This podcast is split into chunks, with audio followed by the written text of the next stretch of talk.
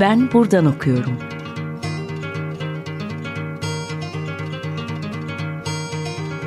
Edebiyat ve başka şeyler.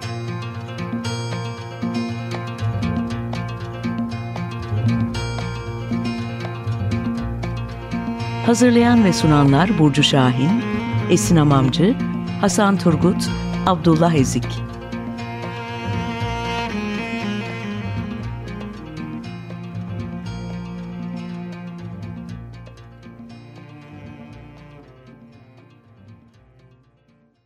Merhaba, Açık Radyo'da Ben Buradan Okuyorum programındasınız. Ben Burcu. Stüdyomuzda Esra Dicle ile beraberiz bugün. Edebiyatta teatrallik ve performans hakkında konuşacağız. Hoş geldin Esra. Hoş bulduk Burcu, merhaba.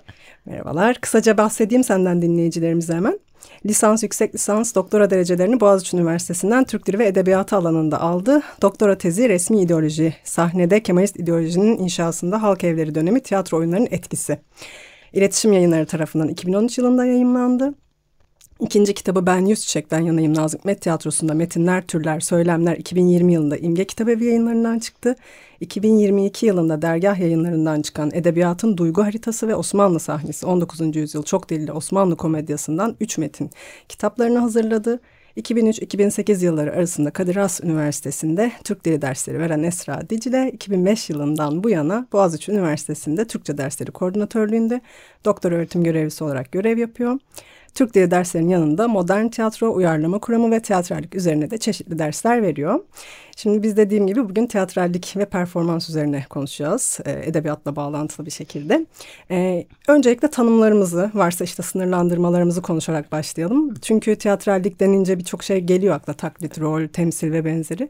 Ne demek teatrallik? İşte çıkış noktası nedir? Hangi alanlarda nasıl kullanıyoruz?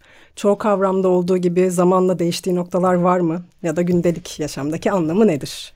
Evet teatrallik aslında pek çok kavram gibi gündelik hayat içinde çok genişleyerek, çok esneyerek neredeyse e, her şeyin yerine kullanılabilir hale geldiği için biraz bağlamını, e, sınırlarını yitiriyor. E, bu da e, zaman zaman kavram karmaşasına yol açıyor. O yüzden e, ama yine de tabii dediğin gibi e, kavram e, belirli e, alt başlıklarla zapt edilebilir hale gelebilecek bir kavram e, hala.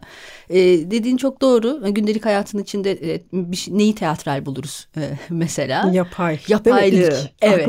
Yani ne tiyatro dönüyor burada dediklerinde orada hep şey vardır. Performatif ve e, aslında kurgulanmış olana işaret eden bir bilgi var.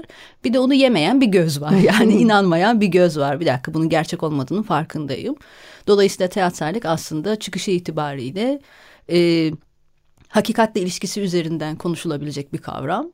E, bu da Platon'a kadar gidiyor aslında yani. Platon'un biraz tiyatro düşmanlığının e, temelinde e, hakikatin bilgisini barındırmamak e, var. E, dolayısıyla hakikatin karşısında dünyevi olan ve e, onun görünümlerini içermeyen e, bir alan olarak e, kuruyor Platon. E, dolayısıyla aslında sanattan o hakikati araştıracak bir e, şey yönelim bekliyor. Ama e, ilginç bir şekilde e, mağara metaforu çok teatraldir mesela. ne, ne kastediyorum bundan? Bir me mağara metaforunda bir mekan vardır. içinde insanlar vardır. Dışarıdan gelen ışık vardır.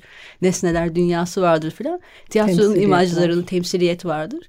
E, dolayısıyla ilk başta aslında teatrallik felsefede, e, gündelik hayatta, sosyolojide, e, kültürel çalışmalarda, e, mesela işte ritüel üzerine e, yapılan çalışmalarda, e, politikada, e, politik söylemler, muhalefet biçimlerinde, e, siyasi sistemlerin kendilerini e, sunma, organize etme ve temsil etme araçlarında hep aslında bir hakikatle ilişki ekseninde e, değerlendiriliyor. Dolayısıyla aslında bu, e, benim ilgilendiğim teatrallik kavramıyla sahne dışı e, da tiyatronun yani aslında sahne üstündeki bir estetik e, olarak tiyatronun araçlarının, kavramlarının, e, yöntemlerinin nasıl işletildiği değil de işte edebiyatta teatrallik ya da resimde teatrallik, gündelik hayatta, politikada, felsefede teatrallik dediğimizde e, hemen bir e, yapaylık, e, kurmacalık e, çok iyi düzenlenmiş olmak ve hakikat arasındaki e, gerilim. Tabii bunun için önce bir hakikatin varlığını kabul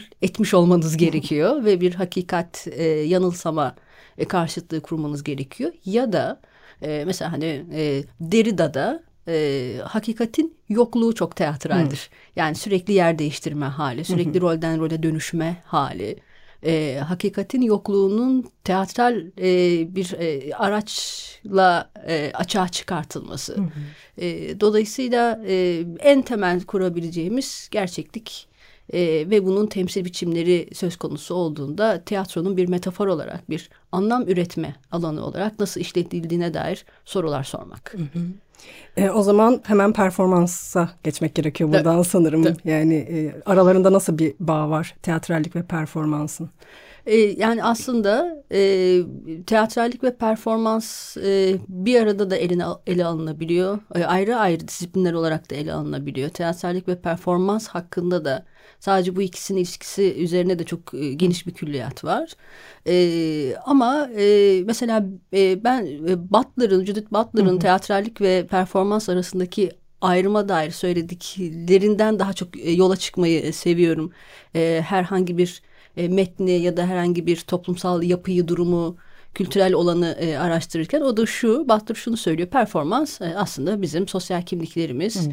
E, sosyalleşmek için e, uzlaşmak zorunda kaldığımız bütün e, davranış kodları. Hmm. E, etnik kimlik, cinsel kimlik bunların hepsi. Teatrallik ise e, bunu açığa çıkartan her türlü hmm. müdahale. Yani e, toplumsal rollerin e, kurmacalığını açığa çıkartmak e, için onların teatral doğasını vurgulamak. Hmm.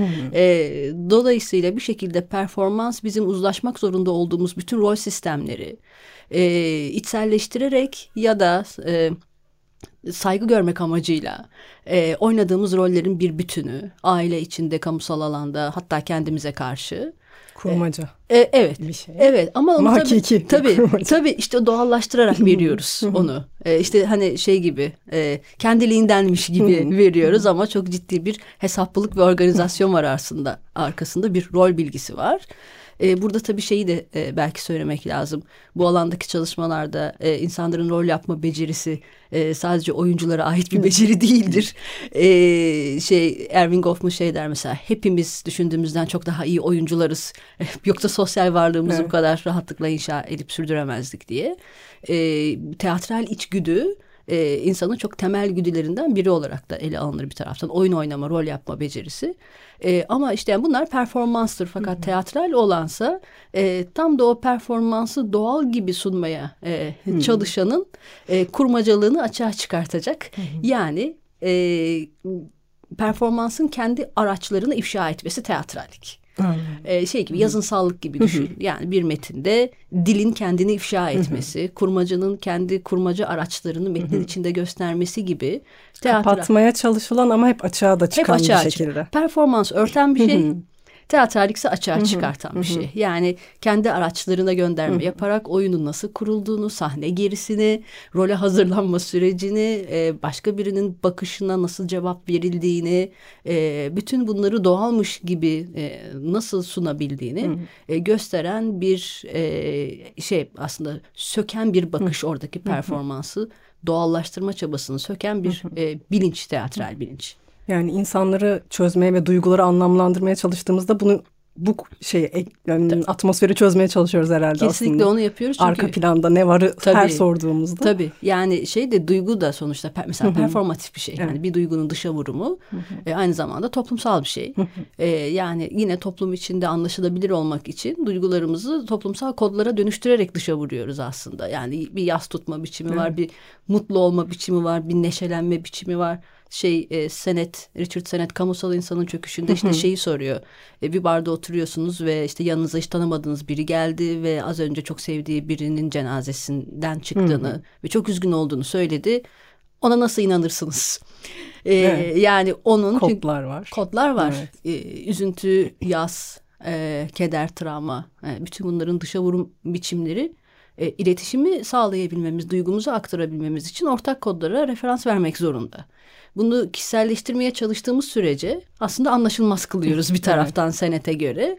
Çünkü senin kişisel duygusal dışa vurumunun bende bir karşılığı yok. Evet. E, toplumsala e, dönüştürmediğin sürece. İşte orada da e, duygular ister istemez teatralleşiyor. Evet. E, anlaşılır olması için. Bu da işe yarar bir şey gibi bir yandan. Hayatta e, kalabilmek için e, evet, sanki değil mi? Evet işte yani mesela senet buradaki e, kişiselliği bir nevi e, asosyal buluyor bu nedenle. yani kamusal alanda kişiseli araştırmak, insanın kendi duygularını araştırması ve onun e, bireysel dışa vurumunu e, bulmaya uğraşması onu tamamen asosyal kılıyor e, ve iletişimi imkansız hale getiriyor. Bu nedenle aslında o e, şey e, teatral e, şey kurmaca e, senet için iyi bir şey. Evet. Ama biz mesela bu çağda kabul e, etmiyoruz, etmiyoruz bunu çok. Evet, evet. Reddediyoruz evet. hatta. O zaman e, öteki ve seyirci ve bir başkası bakan bakılan ilişkisi evet. üzerinden evet. bahsediyoruz aslında teatrallik için bu gerekiyor. Çok güçlü bir ilişki. E, edebiyat üzerinden, metinler üzerinden düşününce bunu karakterler arasında daha kolay tabii ama okur yazar ilişkisi bağlamında da değerlendirebilir miyiz acaba? Tabii yani e, en önemli kısmı e, herhangi bir şeyin teatral doğasından bahsederken aslında e, ilk söylememiz gereken bakış. Çünkü tiyatro e, seyirciyle e, var olan bir e, form. E, tiyatronun bütün estetik değişkenlerini bir kenara bıraktığınızda hiç değişmez bir tanımı vardır. A, B'nin önünde C'yi canlandırır. Evet. Yani dolayısıyla B'nin varlığına yani bir seyircinin varlığına bir bakışın varlığına muhtaçtır. Dolayısıyla herhangi bir şeyin teatralliği üzerine konuşurken kaçınılmaz olarak bakış ilişkileri üzerine konuşuyoruz. E, bu bakış tabii e, bir e, seyirci e, bakışı e, ve bir seyretme bilinci e, gerektiriyor. E, herhangi bir e, şehrin içinde herhangi bir anda durup şehri e, seyretmeye başladığımızda aslında onu kendi bilincimizde teatralleştirmiş oluyoruz e, İstanbul'u dinliyorum gözlerim kapalı mesela müthiş bir teatral bilinç içinden üretilmiş bir e, şeydir. E, zihinsel bir bakıştır e, ve şehrin kendi dinamiğini, kendi e, hareket setlerini, kendi duygusunu, seslerini her şeyi kaydetmiş bir zihin önce onu seyretmiş demektir. E, dolayısıyla e, bu e, seyirci pozisyonu e, sadece seyredenin bilincinde de e, var olsa teatralliği inşa eder. Yani e, bir kişinin e, bakışa cevap vermesi, seyredildiğini bilerek e, rolünü performe etmesi de e, ön koşul değil. Yani ben şehri seyrederim, insanlar önümden gelip geçerler ve aslında bir oyuncu gibi görüldüklerinin farkında değillerdir. Ama olsun, o da aslında bir teatralliğin inşasıdır. Oyuna dahil o anda. Oyuna dahildir, ben oyunlaştırıyorum çünkü. Şimdi bunu metinlere e, e, dönüştürdüğümüzde, metinlerde bunu aradığımızda e, şey tabii yani e, anlatıcının e, kendisini görme biçimi yani bir iç bakış olarak kendisinin hem eyleyen hem de seyreden olarak konumlandırması e, ya da işte e, kendisi dışındaki e, hayatı seyreden ve dolayısıyla tetkik eden e, bir göz olarak kendisini konumlandırması e, bir şekilde onu hem yazan e, hem anlatan hem de e, dinleyen ve seyreden pozisyonuna getiriyor. Bütün bu işte yabancılaşmanın, yalnızlaşmanın, o modern krizin, e, şehir hayatının içinde ama dışında olma halinin, e, kendi e, rollerini, performanslarını hayata sürdürmek için bir şekilde e, idame ederken e, aslında o rolden de sürekli bilinç düzeyinde kaymanın, e, yani ne yapıyorum ben?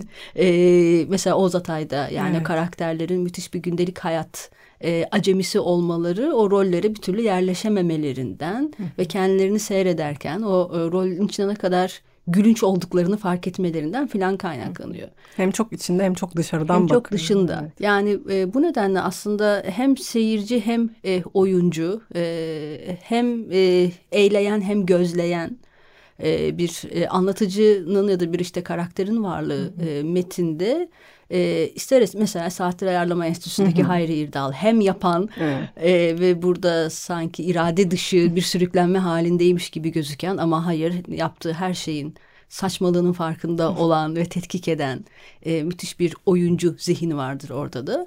Bunlar metinleri çok katmanlaştıran, e, çok kuvvetlendiren e, ve anlatıcıyı sabit bir rolün dışında ironik kimliğiyle, e, yabancılaşmasıyla, modernlik deneyimiyle, yarılmalarıyla çelişkileriyle, dönüşümleriyle e, kavrarken çok açıklayıcı e, olabilen e, bir yöntem ve bir metafor sunuyor. Peki şimdi bir şarkı arası verelim mi? Tamam, ne seçtin? seve seve. e, Haris Alexiou'nun e, 97 albümünde yer alan benim çok sevdiğim Minaraki şarkısını dinleyelim o zaman. Merhaba tekrar Esra Dicle ile sohbetimize devam ediyoruz. Ee, şimdi şeyden birazcık bahsedelim. Hangi metinler üzerinde daha çok çalıştım bu konuda teatrallik ve performans konusunda. Ben Selçuk Baran hakkındaki yazını e, okudum. Özellikle orada dikkatimi çeken şeylerden bir de e, mekanın e, gösterim alanı olarak kurulmasıydı. E, buradan hareketle aslında sormak istiyorum. Gündelik hayatın teatral niteliği nasıl yansıyor Baran'ın yazına ve e, aslında çok da diğer yazarlarda değişiyor mu bu anlam? Yoksa birbirlerini tekrar edebilme ihtimalleri daha mı yüksek gibi bir soru. Tabii şimdi e, aslında e, edebiyatta teatralliği e, araştırırken e, ontolojik bir yerden kurduğunuzda işte bu bahsettiğim e, insanın kendi gerçekliğiyle e, sosyal talepler arasındaki yarılması onu ister istemez ikili bir kimliğe zorluyor e, ve bunun bilincinde olan ya da olmayan bir e, karakterin ya da bir anlatıcının deneyimi ister istemez e, metinde teatralin bir metafor olarak doğmasına e, bir açıklayıcı araç olarak e, işlemesine de yol açıyor. Dolayısıyla her metinde teatralliği tespit edebilirsiniz farklı biçimlerde ama. yani nedir mesela işte bu bahsettiğimiz bakış ilişkileri. e, yani işte e, kendine bir iç bakışla e, dönüp bakan, e, dış dünyaya bakan, e, bakışa cevap veren, bu bakışa cevap vermek derken kadınlık rolü olabilir, erkeklik rolü olabilir ya da bahsettiğimiz gibi işte e, etnik kimlikler olabilir, siyasal e, görüşlerin içine yerleşmiş, oradan üretilmiş kimlik formları olabilir, her şey olabilir. E, başka birinin varlığıyla e, hemen devreye giren bir e, teatral performans. Yani Hı-hı. şey mesela ilk aklıma şey geldi bu e, yatık eminede e, şey vardır ya bu yeni mezun e, ve e, şeye kasabaya bir kötü kadın geleceğini fark eden, yüzü kızaran, heyecanlanan e, nasıl davranacağını bilemeyen, acemiliğini örtmeye çalışan filan. İyi olmaya da çalışan. İyi, olmaya da çalışan ama işte içeriye başka biri girdiği anda sesini kalınlaştıran, vücuduna dik bir postür veren, emredici bir şekilde konuşmaya başlayan bir e, teğmen var orada. İşte tam bundan bahsediyor. Bu çok teatral bir sahne. Başkasının bakışı devreye girdiği anda kendi gerçekliğini bastırıp o bakışın taleplerine cevap vermeye e, başlamak. Bir de bakış zaten bir güç ilişkisi. E, yani bakanla yani bakışmak e, işteş gibi gözükse de e, hiyerarşik e, bir yapı her zaman e, bir e, güç savaşı. De ee, üniformaya bakıyorsan zaten başka bir hikaye. Tabii, tabii ki. Yani e, en eşit olduğunu düşündüğümüz iki karakterin bile romans içinde dahi e, o bir romantik bakışma bile e, olsa e, bakanlığın özneliğini, bakılanın nesneliğini inşa eden e, bir ilişki var orada. E, dolayısıyla mesela Aylak Adam'da e, teatrallik üzerine çalışırken bu, bu çok dikkat çekiciydi. Çok e, kuvvetli bir bakış savaşı var Aylak Adam'da. Çünkü Bayce e, görülmediğini e, düşünmenin iktidarıyla bütün şehre bakar. insanlar hakkında bilgi üretir, onlara oyunlar kurar falan. Ama mesela bunu yaparken e, pencereden yaşlı bir kadının onu gördüğünü fark ettiğinde çok sinirlenir. e, kendi, Yakalanmış. Yakalanmıştır tabii. Yani mesela şey vardır bir dilenciyi sigara içerken evet. görür. Yanına koşturur. Seni gördüm ya oh işte sigara içen bir dilenci falan. Yo içmedim ki falanla karşılaşır. Anayurt Oteli'nde de gene öyle. Evet kesinlikle ortalıkçı kadının bakışı, bakışı hikayesi, hikayesi ve onun e, karakter üzerindeki o iradenin öznelliğinin kaybı ve geri kazanması arasındaki e, gerilim. E, dolayısıyla bu çok e, önemli. Yani bakış üzerinden kurduğunuzda e, mesela şey vardır e, Murat Gülsoy'un bu ressam Vasıf'ın Gizli Aşklar tarihinde Vasıf şey der yani e, tuhaf gelecek size ama ben babam öldüğünde çok rahatladım çünkü onun bakışı e, üzerimden kalktı hmm. diye. E, dolayısıyla bakış bir öznenin bakışı tabii bütün bir toplumun bakışının çok konsantre hali olabilir ya da kişinin kendi vicdanının bakışına dönüşebilir. E, bütün bunlarla karşılaşma anında o öznellik nasıl yitiriliyor ve nasıl tekrar ele geçiriliyor. Bunları takip etmek çok önemli. Ya da dediğin gibi işte Selçuk Baran'da e, yani Selçuk Baran'da mesela Kabuk hikayesinde e, karakter e, klasik bir orta sınıf e, yaşamı içinde, imajları içindeyken e, aslında bir anda o hayatın kendisine ait bir hayat olmadığını fark ettiği bir kayma hali var. Ben ne yapıyorum? İşte bu tam bir rolden kayma ve artık bilincin yarılması e, halidir. Gündelik hayat orada artık sürdürülemez e, bir pozisyona e, gelir. E, şey bile mesela hani aklıma geliyor gene çalıştığım metinlerden... E, Kıskanmak Nahit Sırrı'nın Seniha ile Mükerrem arasındaki en büyük fark teatral beceridedir mesela. Yani Seniha duygusu. daha iyi orada. Evet kesinlikle yani Seniha müthiş bir e, maskeleme becerisine sahiptir. Çünkü teatrallik sadece performans değil aynı zamanda maskelemektir de. Yani hangi davranışın hangi duygunun nerede e, açık edileceği, nerede saklanacağı, se, Seniha bütün niyetini, bütün planını, bütün duygusunu e, saklayıp karşı tarafın ihtiyaç duyduğu biçimde or, e, dışa vurabilecek biri. Ama bir kere mesela e, bunu yapmaya çalışsa da ilişkisini saklamaya çalışsa da mesela bunu beceremez. Hı hı. E, sürekli rolden kayar, sürekli zayıf düşer. E, e, dolayısıyla e, hem gündelik hayat ve ilişki dinamiklerinin, e, metin içindeki karakter gerilimlerinin, öznellik nesnellik ilişkilerinin, varoluşsal sancıların, ontolojik problemlerin, işte gündelik hayatın e, mekanın yarattığı davranış biçimlerini hı hı. anlamak için. E, gene e, şeyde de Selçuk Baran'da da bu çok önemliydi. Konuk odaları, evet. çay bahçeleri. O, çok dikkatimi çekmişti. Evet. yani mekan bir davranış üretir. Hı hı. E, dolayısıyla e, on, onlar şey diyor e, mesela Goffman yani bir öğretmenin sınıftaki davranışıyla sokaktaki davranışı aynı değildir. Aa insanmış der. Ay, orada. sokakta görünce değil mi? evet tabii.